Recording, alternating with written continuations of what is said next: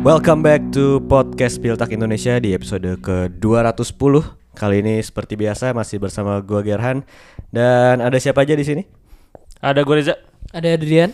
Dan kita sudah memasuki jendela transfer di musim panas 2023-2024. Jadi seperti episode sebelumnya masih bakal banyak berita-berita terkini tentang update transfer eh, dari Bundesliga tentunya.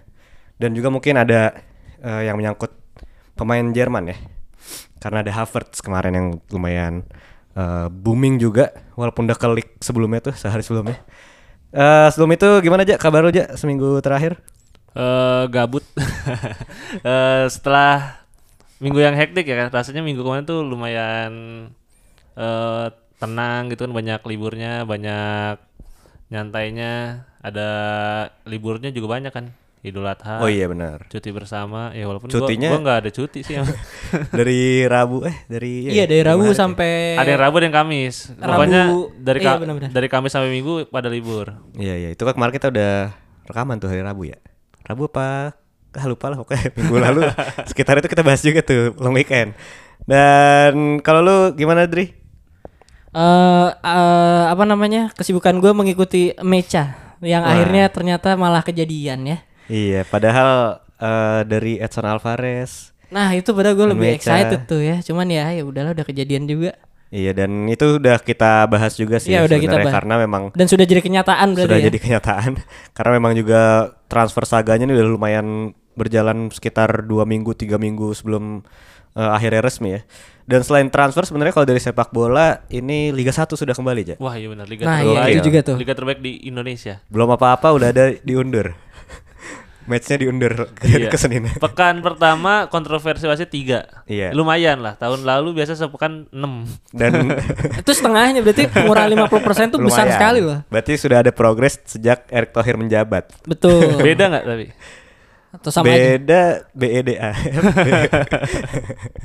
Eh, kalau dari apa ya kan gue Experience lu bagaimana Ger? ya kebetulan gue Ini nonton kan nih. hal ba- apa wajah baru lah bisa dibilang. Kebetulan gue nonton untuk pertama kalinya eh, tim Thomas Doll di Liga 1 ya Persija. Karena kan musim lalu tuh agak sulit kandang Persija dilempar ke mana-mana tapi akhirnya kemarin main lagi di GBK. Dan ya gue sih ngeliatnya eh sudah kayak musim lalu sih sebenarnya mainnya bagus. Secara permainan jelas gitu. Emang banyak switch play switch play dan dari banyak pemain muda juga dimainkan. Cuman kan kalau dari sorotan match kemarin tuh udah banyak aksi guling-guling ya Iya ini yang yang yang apa ya? Thomas Doll sampai kecewa banget kan katanya ini penonton dikasih nonton bola kayak gini kan kasihan gitu intinya lah gitulah masa lu tiga menit sekali nggak bisa membanggakan pemainnya dan ini juga banyak tim malah kayak Bali United ya kemarin apa BS PSS ya yang banyak kejadian mo- momen guling-guling itu malah kayak mengglorifikasi gitu. Jadi taktik yang Kalau Bali nggak guling-guling kemarin soalnya kalah. Kalah ya lawan ya kan? Lawannya PSS Enggak tapi Bali tuh pas yang sama PSM Hmm, Balinya yang guling-guling PSM-nya iya, iya. yang protes dan ini memang Jadi kayaknya nular iya dari Bali ke PSM nih Jangan besok Persija jangan kan Iya ya, gitu ya. Dan dan ini seolah-olah jadi apa ya?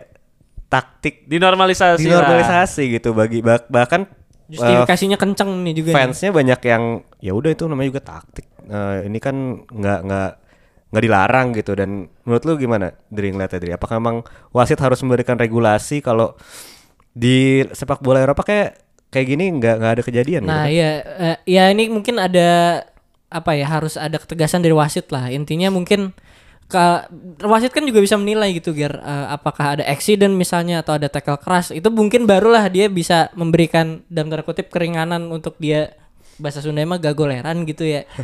nah, ini kalau masa tiap tiap berapa menit ada apa namanya ada aksi keras dari lawan kan nggak menurut gua nggak gitu juga lah. Tapi ya memang kalau di Indonesia kan masih dengan cara apa cara pandangnya adalah yang penting menang atau yang penting dapat poin. Jadi gimana pun belum sampai pemahaman Thomas Doll kan soalnya udah udah apa udah apa ya sangat me- melihat sepak bola itu sebagai apa ya eh, olahraga masyarakat lah gitu loh sampai mikirin eh, yang nonton nih gak pantas dapat suguhan begini kan jauh banget gitu loh mikirnya yang satu cuman pragmatis yang satu sangat filosofis jadi ya ma- makanya menurut gue ya balik lagi kalau eh, untuk menghindari di sini aparat penegak keadilan di lapangan ini yang bisa punya kontrol menurut gua lumayan besar ketika pertandingan ini sebenarnya begitu dinamis lah gitu. Hmm, kalau lu gimana aja ngeliat aja? Apakah lu tentu saja berpihak sama Thomas Doll?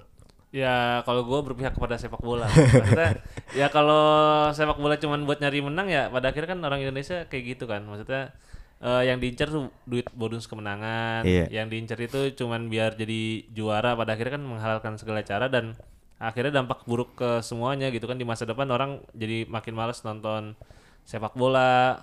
Bahkan kalau kita lihat sekarang sebenarnya jauh menurun loh kalau dibandingin sama misalnya 10 tahun lalu ya animo masyarakat buat nonton langsung ke stadion kan kayak Iya, kemarin kemarin parah itu- banget. itu Persija aja itu paling banyak padahal hitungannya sedikit gitu kan buat klub segede Persija ya walaupun itu mainnya di hari Senin ya Hmm. cuman kalau lu bandingin sama 10 tahun lalu itu pas zamannya YSL hampir semua stadion tuh penuh Liga Jarum ya. stadion Benteng stadion Persikabo lu mau main di PSB Langsa PSAP Sigli semua semua gor semua semua stadion penuh jadi itu bisa ngaruh ke penonton jadi malas nonton bola dan ya ya pasti anak muda jadi ngikutin maksudnya gua sering lihat di SSB tuh udah ada yang gak goleran gitu jadi kan itu pasti ngikutin ya ng- Eberbesa kan pasti jadi favorit anak-anak SSB gitu kan Iya, ya, sekarang dia menontonnya yang kayak gitulah Iya, ya. bahkan kan yang goleran kan juara ya kan pasti banyak banget fansnya Bener kan. juga. Iya iya iya dan iya benar sih secara penonton juga kemarin bahkan pertandingan pertama tuh Bali lawan siapa ya? Dikit banget cuma 5000 ribu apa? Dan Iya, terbanyak Rans, Rans paling dikit Orang nggak ada soalnya Nol. Ada penontonnya Tapi ya semoga saja lah Bisa mencontoh eh sepak bola sepak bola Eropa lah biar lebih maju dan lebih eh, enak ditontonnya juga. Ini juga PSSI kabarnya udah deal dengan Dirtek asal Jerman ya, Ja. Gua nggak tahu sih siapa. Ada yang Usianya ngebocorin sih 60 tahunan. Ya tapi kalau orang-orang bilang Zork menurut gua nggak mungkin lah. Gua gua sih per- mungkin aja Joachim Low sih. Nah, itu kayaknya kayak gitu lebih masih masuk mungkin. akal deh. Kalau kayak si Lothar Matthäus, Itu enggak sih Joachim mungkin. Löw gitu masih mungkin. Kalau Michael Zorc menurut gua udah level atas banget lah. Iya ya kalau Joachim Low masih mungkin Kan ya. kayak Rudy Voller, Zorc itu kan emang mereka pengen pensiun kan ngapain ngurusin Indonesia yang lebih rumit. Iya. Bahkan Rudy Voller aja masih sering eh, jadi Dia apa balik ya? ke timnas ya, Iya ke Voller. timnas buat ke Leverkusen juga masih jadi konsultan gitulah. Kayak kalau untuk Joachim Low gue rasa udah tidak terlalu diinginkan oleh eh, rakyat Jerman juga sih. Dan di episode kali ini tentu saja kita bakal membicarakan yang sedang ramai di sepak bola Jerman yaitu ada apa aja Ja, di episode kali ini? Ada Okugawa pindah ke Augsburg Iya itu. Makin banyak main Jepang nih, banyak banget nih musim ini nih. Itu sih yang bagus apa? Shuto Machino. Suto Machino Ke Liga nama dua, bagus banget. dua Bundesliga. Tapi kita nggak bakal bahas itu. Kita bakal bahas Kai Havertz yang pindah ke Arsenal, kemudian juga ada Dominic Soboslai yang pindah dari RB Leipzig ke Liverpool dan nanti di akhir membahas tentang Jonas Hoffman yang baru saja hari ini ya pindah dari Iya. Gladbach ke Leverkusen. Kita emang sengaja rekaman menunggu Jonas Hoffman ke Leverkusen mendapat wangsit. Tadinya mau kemarin tapi ternyata ada berita pas banget kayak malam tengah malam di Indonesia gitu deh. Ada kabar kalau akhirnya ditebus rilis clause-nya Hoffman yang cuma 10 juta gitu. Dan memang seminggu terakhir ini banyak transfer-transfer yang menurut gua keren-keren banget sih mulai dari eh Havertz, terus Soboslai, ada Mason Mount, ada Declan Rice. Ini kan high profile semua nih yang Tapi itu pindah. ada alasannya karena Apa tuh? eh, tanggal 1 itu kan Oh pembukuan iya. baru. Pembukaan ya. Jadi orang-orang nunggu tanggal 1 pembukuan baru baru pada transfer. Eh, dan pas juga sih sebenarnya sebelum memulai eh, training camp biasanya kan. Jadi emang didatangkan di awal-awal Juli ini.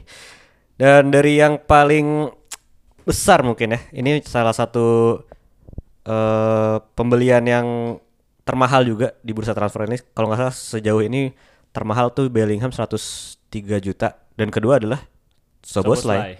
Soboslai 70 juta euro alias 60 juta pound sterling dan itu juga dari hasil release clause yang baru banget ditebus pada hari terakhir 30 Juni itu aktifnya uh, release clause Soboslai akhirnya ditebus padahal kayaknya sebelum itu nggak ada gitu kayak dua hari kayak tiga hari sebelumnya bahkan nggak ada rumor Soboslai ke Liverpool ya baru kayak mungkin tanggal 28 29 baru mulai ada dan ternyata pendekatannya secepat itu gitu akhirnya George Matke lagi-lagi masterclass nih Ja. Tapi lu ngeliatnya gimana ya? Soboslai kan pemain yang sangat vital lah di RB Leipzig musim lalu. Em, 6 gol, 8 assist kalau nggak salah di musim lalu dan pindah ke Liverpool yang memang sedang membutuhkan gelandang. Walaupun kalau dibandingkan dengan Jude Bellingham ini dua tipikal yang berbeda ya. Ini menurut gue Soboslai tipikal yang sangat ofensif sekali. Lu ngeliatnya gimana bis- bisa eh, fit di Liverpool musim depan ya?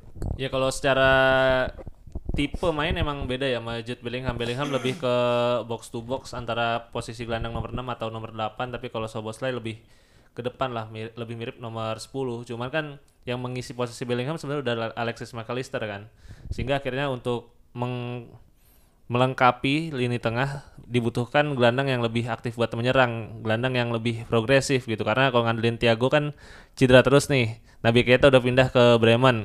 Gelandang progresif nggak ada lagi di Liverpool. Akhirnya muncullah nama eh, Dominic Soboslai dan ini dia jadi salah satu gelandang yang memang diinginkan banget sama Jurgen Klopp. Dia pertama kali terkesima ketika Liverpool ketemu RB Salzburg di Liga Champions beberapa tahun lalu.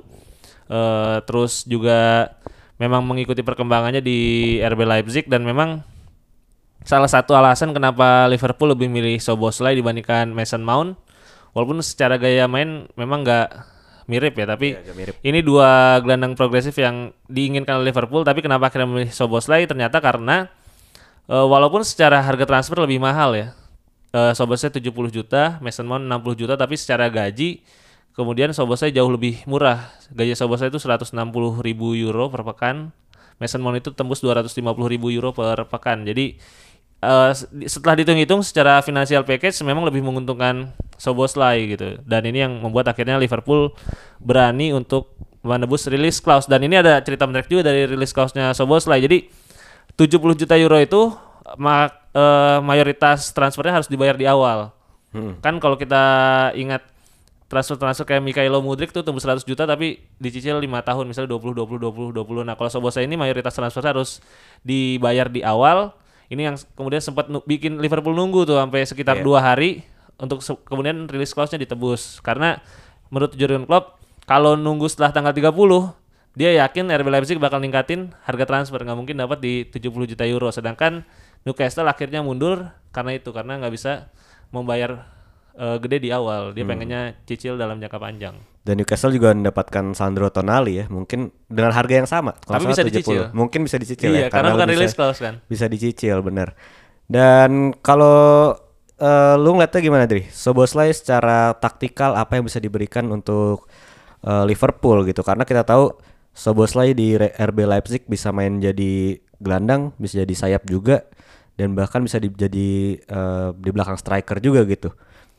Kalau gue sih ngelihatnya sebenarnya gue pengen ngelihat Liverpool ini punya gelandang yang daya jelajahnya besar tapi punya itu kreativitas di di nomor 10 gitu Ger yang menurut gue sudah beberapa tahun ini Liverpool kalau lagi deadlock ya udah mentok gitu Robertson Arnold lagi berusaha crossing berusaha eh, apa terupas dan segala macam. Nah, itu kan karena ketiadaan ya mungkin dari zaman Philip Coutinho kali ya terakhir yang benar-benar bisa main eh, setiap minggunya. Dan ya kalau gue lihat Soboslai kalau kita bahas di RB Leipzig salah satu apa ya driving force-nya mereka bisa bangkit. Dan akhirnya finish di peringkat tiga menang eh, DFB Pokal ya salah satunya ini. Dan bisa dibilang Soboslai ini big game player juga gitu Ger ya. Eh, beberapa kali ngambil eh, apa namanya Penalti. penalti di apa ya sangat-sangat menegangkan lah di menit-menit akhir laga tuh dia bisa gitu bagi Hongaria ataupun bagi klubnya gitu jadi ya mendapatkan pemain dengan harga segini ya memang harus diupayakan lah Ger untuk Liverpool karena eh, berasa juga Liverpool gak masuk Liga Champions salah satunya yang paling eh, membuat musim kemarin gagal ya karena lini tengahnya ancur-ancuran dan ketika Liverpool agresif apalagi ada mungkin rekomendasi juga dari Schmatke ya ngelihat Soboslai perkembangannya dalam kurang lebih tiga tahun dari pertama kali dia ma- eh, masuk ke Bundesliga ya memang cukup eksponensial sih Ger apa live up to the hype gitu ya. Jadi ya ini ya win-win untuk semua lah karena emang Soboslai eh, idola idolanya kan Gerrard ya Iya, betul. sampai ditato tuh itu rumornya ada yang bilang gitu ya. itu komitmennya luar biasa ya kalau bener jadi ya menurut gue udah cocok lah dan sama-sama harusnya sama-sama klop lah Aduh, iya. komitmen di tato gue inget cerita gosip jadinya Siapa ya? Oh Ya, itu ya. di tato di punggung kan Siapa yang kemarin ini iya itu selingkuh ya? iya nggak usah Wah, kok diterusin gue gak tahu ya Sahnas, Sahnas inisialnya. oh iya, oke oke oke Dan iya bener nih jadi match made in heaven juga walaupun ya bisa dibilang Soboslai nggak akan main di UCL setelah Iya. mengantar RBL Walaupun pindah ke UCL gitu ya. ini ya. Tapi itu bukan sebuah masalah bagi Soboslai karena itu tadi dia udah mengikuti Liverpool sejak berapa musim terakhir, mungkin juga sejak kecil nggak ada yang tahu juga dan dia tahu Gerrard berarti emang emang mungkin fansnya Gerrard gitu. Masa-masa Rafa Benitez Iya, itu dengan berarti. dengan memilih nomor 8 kan dia juga bilang kalau ya great players lah eh, memakai nomor 8 mungkin Nabi Keita juga ya. Iya, Mengikuti jejak, itu jejak. Nabi Keita. Dan kalau menurut lu dengan datangnya Soboslai plus McAllister apakah lebih baik daripada mendatangkan satu orang Jude Bellingham? Ja? Pada Eh, akhirnya kan lu pada- bilang iya sih. lu Bellingham nih Ya, harus tapi eh, beda sih maksudnya ketika Jude Bellingham dengan usia yang masih muda gitu ya. Menurut gua secara kemungkinan dia berkembangnya jauh di atas Soboslai ataupun McAllister ya. Cuman ya pada akhirnya Liverpool pun bisa belanja dengan efektif sih menurut gua karena dengan 100 juta 105 juta pound sterling ya artinya eh, bisa dapat dua pemain yang kualitasnya pun bagus, usianya masih muda dua-duanya, dan andai pun nanti dijual pun masih bisa dapat untung kemungkinan kan. Jadi ya nggak bisa dibandingin lah. Pada akhirnya Jude Bellingham juga menurut gua bakal bagus di Real Madrid. Soboslai sama McAllister sih sebenarnya cocok di Liverpool dan kalau kita bicara Soboslai ya ini kan walaupun nomor 10 dia kalau kata si Savers Lager dia nggak pernah ngeliat nomor 10 yang presnya kayak Soboslai gitu. Iya. Jadi memang eh, secara atribut pun cocok sih sebenarnya sama Liverpool. Gua rasa ini brilian sih. Iya, gua bahkan melihat tidak ada kelemahan dari Dominic Soboslai. Nah, itu gue juga sih. Satu-satunya Ya kan? kelemahan sih kalau gue lihat sebenarnya naik turun sih. Cuman di semusim terakhir dia Iya. sudah nunjukin Sejak sebenarnya. sejak dilatih Marcos menurut gue jadi salah satu yang paling berkembang pesat tuh di musim terakhirnya eh, RB RB Leipzig. Terus bahkan ada yang bilang Soboslai kan bisa main di tiga depan ya. Hmm. Dia jadi pengganti salah nanti kalau salah Piala Afrika katanya. Bisa juga. tapi Enggak, memang tapi- kalau apa kecepatan dia punya, dribblingnya dia bagus, apa tendangannya juga kenceng, stamina-nya tadi Savers Lager bilang maksudnya pressingnya juga oke. Jadi memang bisa dibilang nih A plus semua lah gitu Iya. biar atributnya. Jadi ya memang harga 70 juta euro menurut gue justru ini murah. Iya benar. Bergen ya. Berarti lu Bergen. se- setuju kan sama Jurgen Klopp ya? Kalau lewat 30 Juni itu bisa nembus 90 Itu sih tiga digit bisa lah. At least 90 tuh bisa banget karena ya itu tadi kan Liverpool ngebet kan ya. Tapi ya sebagai fans Liverpool gue pengen transfer ini emang kejadian dibanding Bellingham aja satu sih ternyata. Kalau Soboslai karena kan nggak ada rumornya kan dulu-dulu. Iya benar-benar. Dan emang kepingan kepingan yang udah lama hilang sih sejak Coutinho gue setuju nggak ada pemain yang bisa dribbling dribbling masuk ke dalam kotak penalti juga. Dan ya berarti bagi RB Leipzig dia kehilangan pemain kuncinya. Tapi di samping itu juga RB Leipzig udah tentu saja sudah memikirkan itu semua. Udah datengin Fabio Carvalho sebagai pinjaman. Terus juga sebelumnya ada Christoph Baumgartner. Ada Nico Seward juga yang udah ditebus di tengah musim lalu. Dan menurut lu apakah ini kehilangan besar ya bagi RB Leipzig Eh, yang pasti sih nggak akan bisa langsung ngegas di awal ya. Jadi menurut gua bakal butuh adaptasi tetap. Tapi pemain-pemain yang didatangkan pun sebenarnya kan udah proven ya. Kecuali Fabio Carvalho gitu. Eh Baumgartner udah dua musim konsisten di Hoffenheim. Sesko sama Seiwald pun udah mendapatkan segalanya di Austria. Udah pernah ngerasain main di Eropa juga.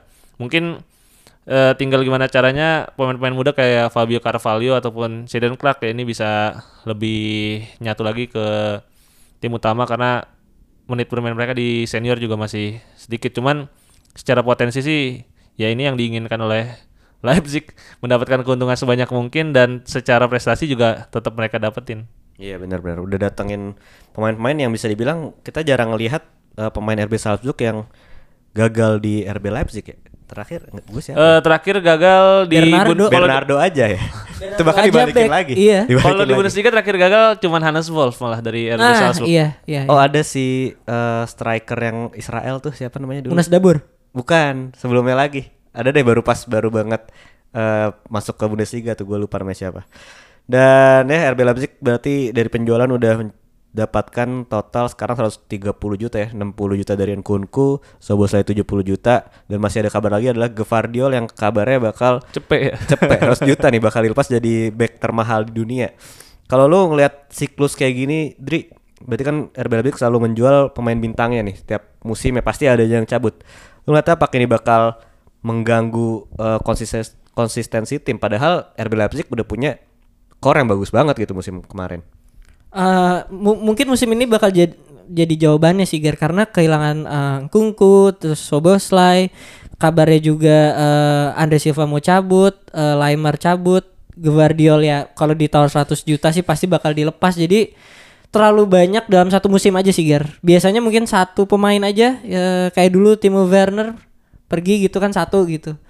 Terus Nabi Keita juga pergi kan itu juga satu doang gitu. Tapi ini bener-bener berbarengan di bursa transfer musim panas yang sama walaupun juga mendapatkan uang yang luar biasa banyak. Makanya bisa kebeli banyak pemain kayak tadi tuh ya eh, yang lu udah sebutin Ger. Yaitu sebagai langkah preventif aja. Yang penting beli dulu nih yang udah kelihatan bakatnya. Nanti eh, pelatihnya yang harus bisa memaksimalkan eh, pemain yang dia udah beli gitu. Karena kan kayak Guardiol itu kan back modern banget yang sampai semua klub tuh pasti pengen beli dia. Ya udah pasti penggantinya yang mirip-mirip kayak gitu juga kan. Tapi ya perlu adaptasi. Terus juga kehilangan banyak pemain kunci itu kan leadernya sekarang siapa juga masih kita harus nantikan juga.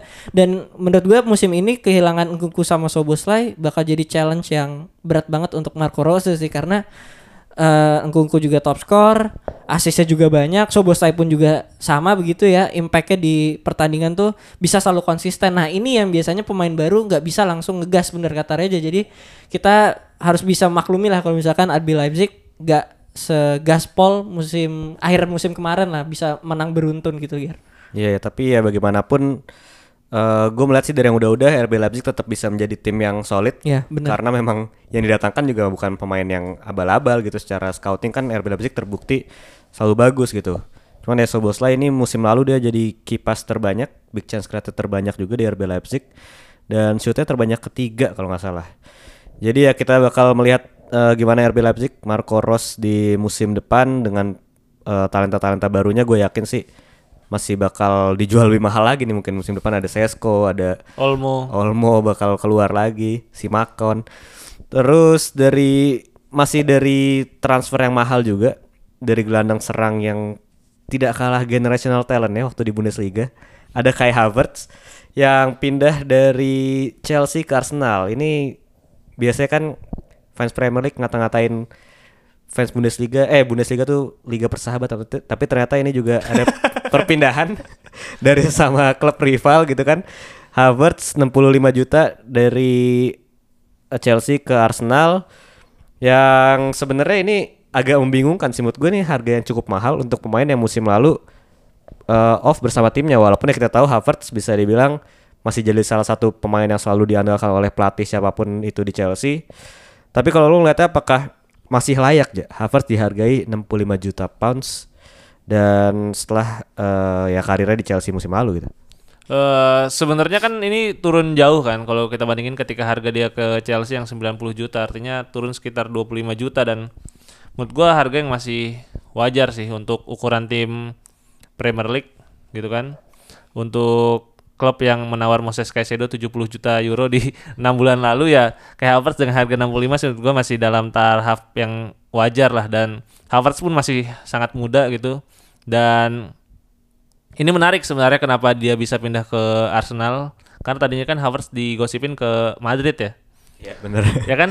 Aneh sih. untuk Madrid. untuk jadi striker sebenarnya kalau di Madrid kan gantiin Benzema atau Asensio lah di tiga depan lah. Tapi Arsenal tuh menjanjikan Havertz bakal main lagi di gelandang. Jadi se- sebenarnya ini menurut gue yang menarik karena kalau kita lihat perekrutannya Arsenal sekarang tidak based on position tapi based on atribut pemain. Jadi Arteta memilih pemain eh, berdasarkan atribut yang dia miliki dan kemudian ketika masuk ke formasi mainnya fluid gitu. Jadi kita lihat misalnya Ramsdale atributnya bisa jadi ball playing, ngegeser Leno, Ben White. Kita nggak tahu ternyata dia bisa progres di posisi bek kanan. Ini kan mirip-mirip kayak si Akanji di City gitu kan. Iya. Jadi emang Arteta influence-nya dengan Pep begitu besar dan menurut gua Havertz bakal mainin perannya si Granit Xhaka. Jadi kan banyak yang bilang tuh kemarin udah ada Odegaard ngapain beli Havertz tapi menurut gua perannya bakal beda Odegaard lebih ke depan Havertz eh, perannya Granit Xhaka jadi mungkin nanti kalau dilihat di formasi sih bakal sejajar sama Thomas Partey ya. Tapi kalau udah main kan Zinchenko-nya masuk inverted ke tengah memberikan keluasan Havertz masuk ke posisi nomor 10 dan itu menurut gua posisi terbaiknya Havertz di mana dia bisa melakukan off the ball movement yang di belakangnya Gabriel Jesus atau di belakang Gabriel Martinelli dan eh, memberikan impact lah dari posisi gelandang. Karena sekali lagi gue nggak melihat Havertz adalah seorang striker walaupun dia mencetak gol di final Liga Champions sama Chelsea di posisi striker ya. Iya iya. Walaupun sebenarnya kalau dilihat di formasi Hansi Flick, terus juga di Chelsea, di Leverkusen bahkan di musim terakhirnya dia jadi false nine juga kan di bahkan di ujung tombak juga beberapa kali pernah.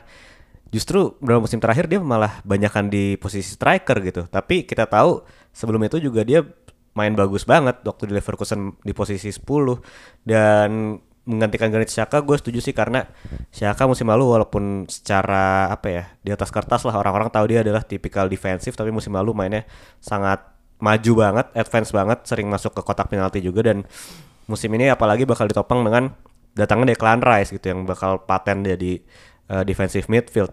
Kalau lu apakah yakin Dri kalau misalkan Arteta bisa membalikan performa Havertz seperti di Leverkusen dulu?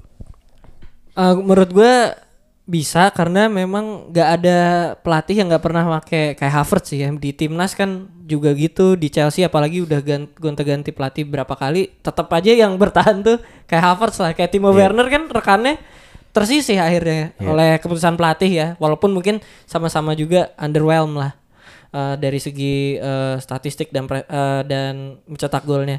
Tapi gue lihat emang kayak Havertz ini adalah peluang bagi Arsenal mendatangkan pemain yang generational talent sih itu Ger dengan harga yang bisa dibilang murah tapi mendapatkan kaliber Champions League winner gitu. Iya. Apalagi dari direct competitor lah ya. Eh, walaupun Chelsea nggak nggak masuk Liga Champions sebenarnya.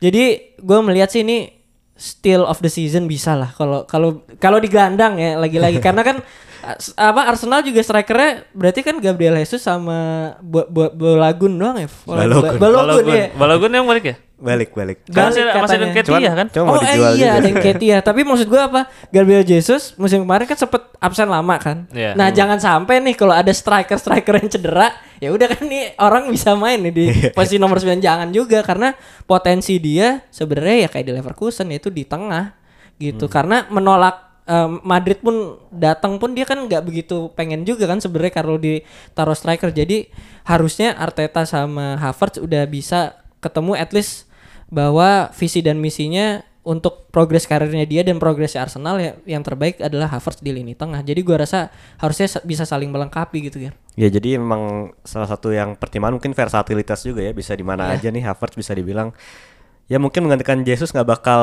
jelek-jelek amat juga lah walaupun ya sama-sama Itu opsi terakhir lah. Tapi itu kan opsi yang bagus gitu kayak Havertz Iya. bisa main di situ. ya untuk kedalaman bagus banget sih ini menunjukkan bahwa Arsenal memang punya ambisi yang besar setelah title race kemarin gagal gitu nggak kayak Liverpool. Setelah juara beli Sepp Vandenberg sama Adrian San Miguel ya kan? Dan ya eh, dengan datangnya Havertz berarti Granit Xhaka kayaknya bakal tersingkir dan sudah dalam tahap negosiasi juga udah ada kontak dengan Bayer Leverkusen nih tim lamanya kayak Havertz. Dan harganya sekitar 25 juta euro untuk pemain yang umurnya udah kepala tiga ya Sama Saka- 30. Eh, 30 ya Sama sama Hoffman maksud gue yang kita bahas berikutnya. belum Nggak. ini untuk Saka sendiri aja lu ngeliatnya apakah worth it nih 25 juta eh ke Leverkusen gitu ini kan gede banget untuk pemain Buat Bundesliga ya. gitu Eh ya tapi harus diakui ya sekali lagi. Maksud gua kan eh gua nggak terlalu suka sama Granit Xhaka ya. Mau tidak mau dia adalah orang yang membuat title race-nya Arsenal hilang ketika dia mengkonfrontasi Trent Alexander-Arnold di Anfield ya. Gara-gara Eh, itu ya, jadi Itu comeback ya. awal-awal kan di situ kan. Eh cuman eh harus diakui Granit Xhaka tahun lalu main bagus banget. Ini bukan bagus aja, bagus banget, sumpah. Karena eh gue kaget ternyata dia ketika posisinya agak maju tuh juga ternyata bisa ngasih impact yang sangat besar buat timnya dan eh pada akhirnya sosok leadership pun dibutuhkan nama Leverkusen gitu. Karena kalau kita lihat Leverkusen kan salah satu kekurangannya musim lalu adalah ketika di momen-momen krusial Ya, ini sebenarnya aneh sih gue ngomong ke Saka momen krusial. Ini sebenarnya Saka tuh mirip sama Emre Lawan Can. kata nih. Saka sebenarnya mirip sama Emre Can menurut gue ya karena dia punya kepercayaan diri yang tinggi tapi sebenarnya sering eh, kacau juga di momen krusial. Cuman Iya. eh, bagaimana leadershipnya dia di lapangan sih sebenarnya dibutuhkan sama Leverkusen. Apalagi kan Leverkusen kita tahu eh, kaptennya Radecki kagak benar. Terus Jonathan Tah juga Sama. nggak nggak da- dan nggak terlalu vokal gitu loh Jonathan Tah. Nah, mereka tuh musim lalu kehilangan banget cara Saranguis gitu kan. Jadi di lini tengah menurut gue sih sosok leader kayak Saka dibutuhin. Iya dan memang kekurangannya sih di gelandang bertahan ya, gelandang jangkar apalagi Arangwis juga udah dilepas ya musim Ya udah ini. dari tengah musim lalu kan. Berarti bakal mengandalkan Robert Andrik dan Granit Xhaka dulu ya preman. Exe ya. ada Exe sebenarnya. Oh ya Exequel, tapi kan Exequel lebih tidak gerasa kerusuk lah. Gue percaya kalau gue setuju sama lu kalau Xhaka emang lebih apa ya mengandalkan emosi daripada kepalanya Ya gitu. mirip Emre Can banget kan sebenarnya. lebih sering decision makingnya tuh berdasarkan emosinya gitu dibandingkan pemikirannya gitu. Pemikiran. Bang Bayem deh. Eh kalau lu gimana Dri ngeliatnya Dri? Eh, ini eh, menutup eh, sebuah lubang yang besar yaitu leadership sebagai sebuah tim yang bisa dibilang salah satu tim terbesar di Jerman Leverkusen lagi sering hilang dari radar lah beberapa musim terakhir gitu Gar di Liga Champions ya terutama. Jadi mungkin udah ketemu pelatih yang tepat yaitu Sabi Alonso. Sabi Alonso sendiri yang kayaknya eh, setahu gue memang minta Granit Xhaka. Cuman Xhaka dengan plus minusnya menurut gue pemain yang bagus musim kemarin Ba- mungkin gak sekereja ya bagus banget tapi Bagus. ini yang Gua bisa kayak- gua aja sih Tapi bagus. bagus banget, Rik. Bagus Dia banget, di sumpah. di 442 best 50 player tuh masuk 30 besar ya. yang gue suka sih mungkin ketika semua orang menyangka Granit Xhaka ini udah habis ternyata dia bisa membuktikan jadi salah satu kunci Arsenal bisa di peringkat dua musim lalu gitu tapi eh, dengan harga berapa 25 ya 25 juta euro untuk di Bundesliga umur segitu menurut gue tetap kemahalan tapi mungkin juga Sabi Alonso eh, minta secara personal kan kayak tadi gue bilang jadi ya mau nggak mau sebagai eh, klub ya harus menurutin pelatih yang bisa dibilang eh, pelatih world class lah ini in the making gitu loh kan. Iya. Jadi ya mau nggak mau ya harus diturutin. Tapi ya selain atribut itunya gua rasa dia memang udah lumayan menjadi dewasa sih ben- sebenarnya. Cuman kadang di momen-momen aneh tuh dia suka bereaksi gitu kayak lawan Liverpool kan. Gak jelas sebenarnya mau ngapain gitu. Panas banget juga enggak Liverpool juga lagi jelek Arsenal juga sebenarnya bisa eh, apa namanya kontrol pertandingan. Tapi ya gara-gara hal-hal kecil kayak gitu selalu diingat oleh para supporter kan. Jadi ya ya sebenarnya transfer yang menurut gue kalau dikasih eh, nilai ya ini B plus lah memang dibutuhkan tapi menurut gue sedikit terlalu mahal Jadi mirip banget Emre Can ya. Musim lalu kan juga sebenarnya udah agak dewasa nih. nah Emre iya Can. dan bi- luar biasa bagus krusial di di partai pekan 34 baru kelihatan. ini gue agak ini juga ya PTSD juga nih gue dari Emre Can nih 25 juta ya. Gue gue setuju ke lu sih ini perjudian yang terlalu besar sih. 25 juta menurut Karena gua udah pasti nggak bisa dijual mahal. lagi kan? Iya 5 juta lagi dapat mecha loh. aduh Saka sih. Dan masih dari Leverkusen tidak eh, ini belum resmi sih kalau Granit Xhaka tapi sudah ada yang resmi akhirnya yang udah kita singgung juga di awal podcast tadi itu adalah Jonas Hoffman. Ini yang tidak ada angin, tidak ada hujan, eh, rumor juga berlangsung begitu cepat, hanya dalam nggak nyampe 24 jam tiba-tiba udah resmi. Dan itu semua berkat ada rilis clause dari Gladbach yaitu adalah 10 juta dan Leverkusen akhirnya menebusnya. Eh 10 juta harga yang murah sih di Nah, ini bursa, baru, bursa transfer kali ini dengan kaliber Hoffman yang bisa dibilang eh national player lah ya tim timnas juga dan bisa main di right wing back, eh, right midfield. Kalau lu ngeliatnya apakah ini bargain sejauh ini aja dan akan menjadi apa ya big loss yang untuk Gladbach menurut lu? Ja? Eh bargain of the season sih mungkin harus dilihat lagi ya karena transfernya masih panjang. Cuman eh, Hoffman dengan harga 10 juta euro walaupun usianya 30 tahun tapi ini adalah peak karirnya Hoffman gitu. Jadi ini salah satu masa terbaik dalam karirnya. Jadi gua rasa sih ini tim-tim lain kaget sih menurut gua. Ternyata setelah dieksplor tuh si Gladbach ternyata cuma 10 release juta clause ya? euro, ada rilis kelas cuma 10 juta euro gitu. Ini mirip kayak Alexis McAllister kalau menurut gua. Jadi eh, kan rilis kelas itu kan harus diulik dulu gitu kan, Iya. harus dieksplor dulu apakah ada rilis Lihat kelas. dulu nih Dibaca nih. nih. Iya harus dibaca dan ternyata ada celahnya nih ditemuin nama Leverkusen dan keputusan akhir kan tetap ada di Hoffman gitu. Dan ternyata setelah Hoffman ngobrol sama Roland Virkus, direkturnya Gladbach pun ternyata dia ingin pindah gitu karena Gladbach tidak main di Eropa untuk dua musim secara beruntun, sedangkan Leverkusen akan main di Europa League tahun depan. Jadi bagi Hoffman ini move yang bagus eh, karena dia bakal menjaga intensitinya main di Eropa di saat ini musim yang penting karena musim depan eh tahun depan udah Euro 2024. Terus bagi Leverkusen juga edition yang sangat baik lah. Dia punya pengalaman, terus dia punya fleksibilitas karena kalau kita lihat Xabi Alonso dia kan kadang main 4-3-3 atau 3-4-3 ya. Iya. Nah, Hoffman ini bisa main di wing back kanan ataupun di sayap kanan. Nah, yang harus ditunggu adalah apakah Hoffman ini hanya menjadi pelapis atau jangan-jangan Diaby ini bentar lagi pindah gitu. Jadi Iya. kan secara posisi itu mirip banget Hoffman sama Diaby. Jadi ini sih yang bakal gua tunggu. Eh, Leverkusen udah merekrut beberapa pemain, tapi gue bakal melihat siapa aja nih yang nanti dilepas sama Leverkusen. Apakah memang Frimpong dan Diaby pindah atau ternyata ada yang stay mungkin salah satu. Kalau gue justru ngeliatnya ini sebagai eh, jangka pendek dari misalkan Leverkusen jual Frimpong sih. Karena Diaby menurut gue harganya bakal melambung banget kalau dijual dan eh, tim-tim saat ini gue ngeliat banyak yang bisa spend gede lagi gitu ya. Diaby sekitar 80 masa dilepasnya. Em, kalau Frimpong masih sekitar 40 juta dan banyak yang ngincer juga kan MU salah satunya. Menurut gue Hoffman ini bisa jadi apa ya?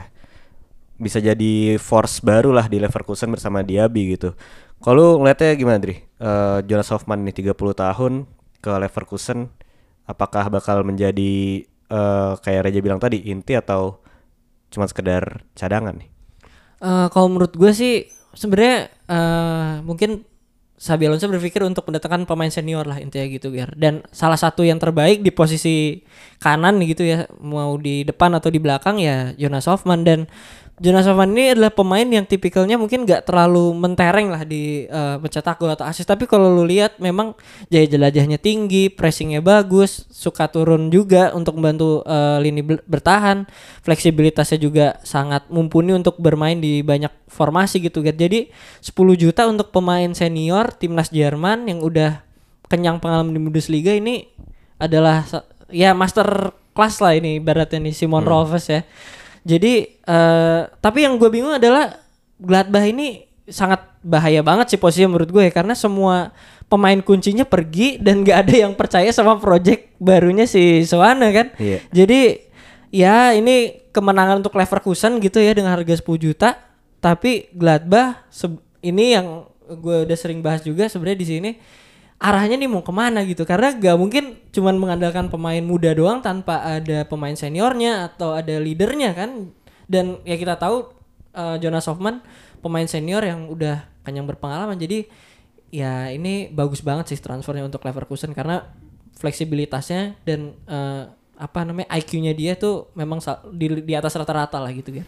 Ya tapi gue tetap melihat Jonas Hoffman ini pemain yang sebenarnya ketika bagus bagus banget, ketika jelek dia bakal menghilang gitu. Kayak Julian Brand sebelum musim lalu lah menurut gue. Ketika Iya, bagus iya. bagus Paham banget nih. Jonas Hoffman. Tapi ketika jelek ya dia bukan tipikal game Kayak changer kayak gitu loh. nggak ada ya di Iya, ya. beda sama Frimpong yang selalu eksplosif gitu atau Diaby yang selalu eksplosif. Hoffman ya lebih tradisional mungkin ya kalau kita lihat secara eh, permainan.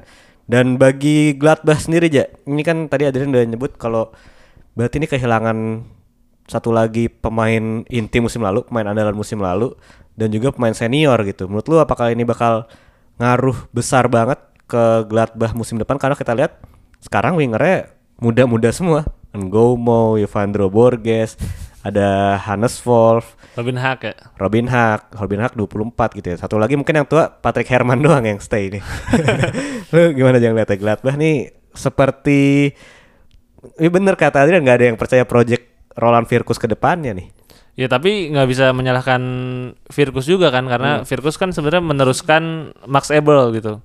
Nah Gladbach lagi-lagi dalam situasi yang nggak mungkin mereka memperpanjang kontrak para pemain bintangnya karena mereka nggak punya Eropa, mereka nggak punya uang gitu kan.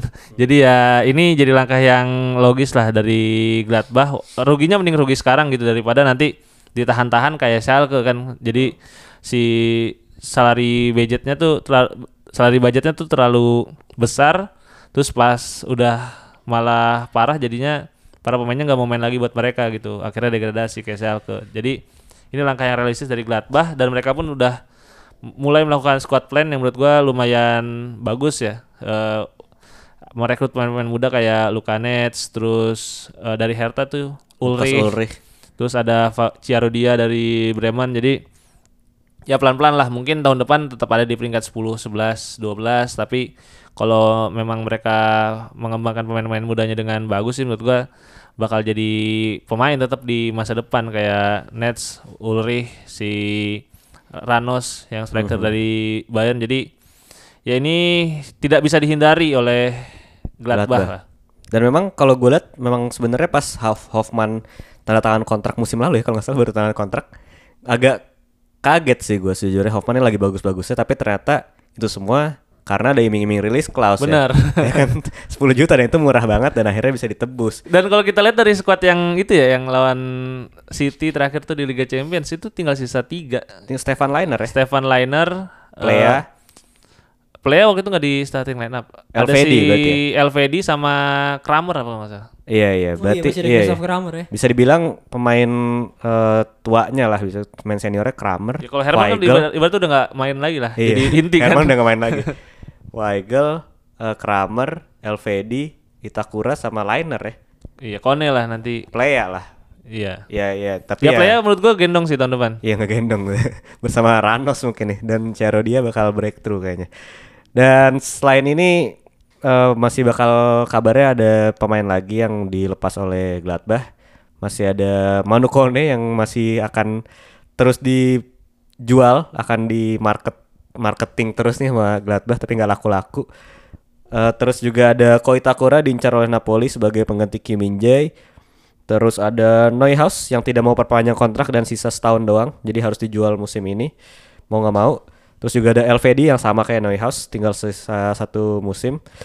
Kalau lu ngeliatnya, misalkan ini pemainnya pergi semua, apakah ini bakal jadi musim terburuk Gladbach sejak kapan ya berarti? Sejak promosi kali? ya? Gimana ya tergantung pembeliannya yang menggantikannya siapa karena ini Iya, nama karena karena bisa generate transfer yang lumayan besar Iya, ya dari dan nama-nama ini. terutama ya itu ya Kone sebisa mungkin di atas 35 juta euro tuh udah bagus banget lah. Tapi juga eh, beruntung nih kok Itakura dibeli murah tapi diprospeksikan eh nggantiin Kim Min Jae di Napoli gitu. Jadi sebenarnya uangnya bakal tergenerate banyak gitu Ger. Cuman ya itu ya eh, projectnya nih mau dibawa ke mana. Tapi yang jelas dengan eh, asumsi bahwa semua pemain kejual mungkin mendapatkan sekitar berapa? 50, 60, 65 Iya. juta euro total gitu ya. Berapa banyak nih yang mau di-spend oleh manajemen Gladbach karena Dortmund aja eh apa namanya dapetin Bellingham tuh 100 juta berapa gitu kan Eh, dari Madrid cuman 70 Nah ini Iya, buat 70 buat Edson Alvarez aja nggak mau ya? iya ini aja masih mikir-mikir Edson Alvarez itu udah murah banget gitu loh. Nih, nah misalkan tadi ya 70% dengan rumus dengan eh, rumus 65 juta euro tuh berapa berarti sekitar 40 lah. Iya 40 juta ya. 40-an ya, Ya iya. dan itu agak sulit untuk mendapatkan pemain eh, ya ibaratnya kelas 1 lah. Jadi balik lagi mungkin approach-nya adalah pemain muda. Tapi Hmm. ya kita tahu sendiri walaupun Bundesliga ramah pemain muda tapi bukan berarti pemain muda semuanya gitu loh. Iya benar-benar. itu itu yang menurut gua penting sih. Jadi ya in, gue selalu bilang Gladbach ya ini ibaratnya winter is coming ini. ini ini winternya Iya, gitu. Kalau bisa melewati ini dengan baik menurut gua fondasinya udah strukturnya udah kokoh gitu gitu. Tapi sekalinya ambles menurut gua bisa kayak Schalke nih. Ya banyak yang percaya ini bakal menjadi downfall Gladbach sih. Dan tapi bagaimanapun juga banyak yang percaya kalau sejelek-jeleknya Gladbach bakal menang lawan Bayern. Tapi kalau ini tetap menang tahun depan sih salut sih. Ini kelewatan sih menurut gue. ya untungnya pelatihnya masih bagus sih. Iya, jalan, dan udah pernah menangi proyek yang hampir sama gak sih di BSC Young Boys? Iya, eh enggak, kan? tapi waktu itu kan abis juara sama Adi Hutar. Oh iya benar-benar. Tapi kalau lu gimana aja musim depan apakah akan jadi tim papan bawah nih si Gladbach? Gue tetap yakin di di 12 besar lah, nggak nggak akan sampai terseret kayak Bremen. di bawah Bremen lah musim Eh, depan. menurut gue di bawah Bremen, tapi eh, dia nggak akan di bawah tim-tim kayak Augsburg. Bochum, Darmstadt, Heidenheim, Augsburg. Jadi tetap di 12 ke atas lah. Kalau lu Kayaknya gak degradasi lah kalau dari Iya, gue. Iya, juga sih. Gue ya berharap Gladbach ini kan salah satu tim yang memang eh punya nama besar gitu, tim eh, klasik juga di Bundesliga. Dan ya sayang aja kalau misalkan Gladbach harus degradasi seperti Schalke yang sudah degradasi lagi bahkan. Jadi eh mungkin itu aja di episode kali ini tiga bahasan terkini dari transfer Bundesliga. Kita masih bakal menanti lagi. Kayaknya sih masih bakal banyak ya Ya. pergerakan transfer. Si Dortmund masih banyak uangnya, belum ngabisin 40 juta euro lagi lah mungkin. Iya, baru ngabisin 30 ya buat Mecha. Ini udah baik banget loh. itu kemahalan sih. Agak kemahalan dikit. Terus siapa lagi ya kira-kira yang masih bakal ada pergerakan banyak nih Bayern ya? Eh, Bayern masih Kim Min Jae belum fix kan. Harry Kane udah melempar proposal bid kedua katanya. Terus yang hari ini lagi rame banget tuh Eintracht Frankfurt. Hmm. Oh iya, pasti dapat Robin Koch sama Elias Kiri. Nih. Mungkin dibahas minggu depan nih Iya. nanti kalau udah resmi. Ada juga Michel Baker kabarnya bakal ke Atalanta. Robin Gosens-nya kabarnya bakal pindah balik ke Union. Bundesliga. Union datengin Brandon Aronson. Oh iya. Jadi menurut gua minggu depan pun bakal ramai banget sih yang kita Iya, bahas. kita bakal beda jauh banget pembahasannya bakal ada nama-nama yang mungkin nggak kita dengar sebelumnya mungkin Werder Bremen beli semacam Nabi Keita gitu kan pemain-pemain gede lagi dan ini luar biasa Bremen udah memperpanjang Marvin Dux Fulkrug lagi OTW jadi malah kegemukan squadnya Sering Karena ada jadi David ya. Konaki padahal, juga ya. padahal udah siap-siap ancang-ancang tuh datengin Konaki gratis Voltemade balik lagi. Waktu ya? balik Jin mah legend Dortmund balik Balik. Ini udah udah bisa bikin tim futsal nih striker semua ya. Eh, sebelum kita tutup ada tambahan lagi aja Ya paling minggu ini udah bakal mulai ada preseason match ya karena Iya. tim-tim udah mulai tes medis lagi.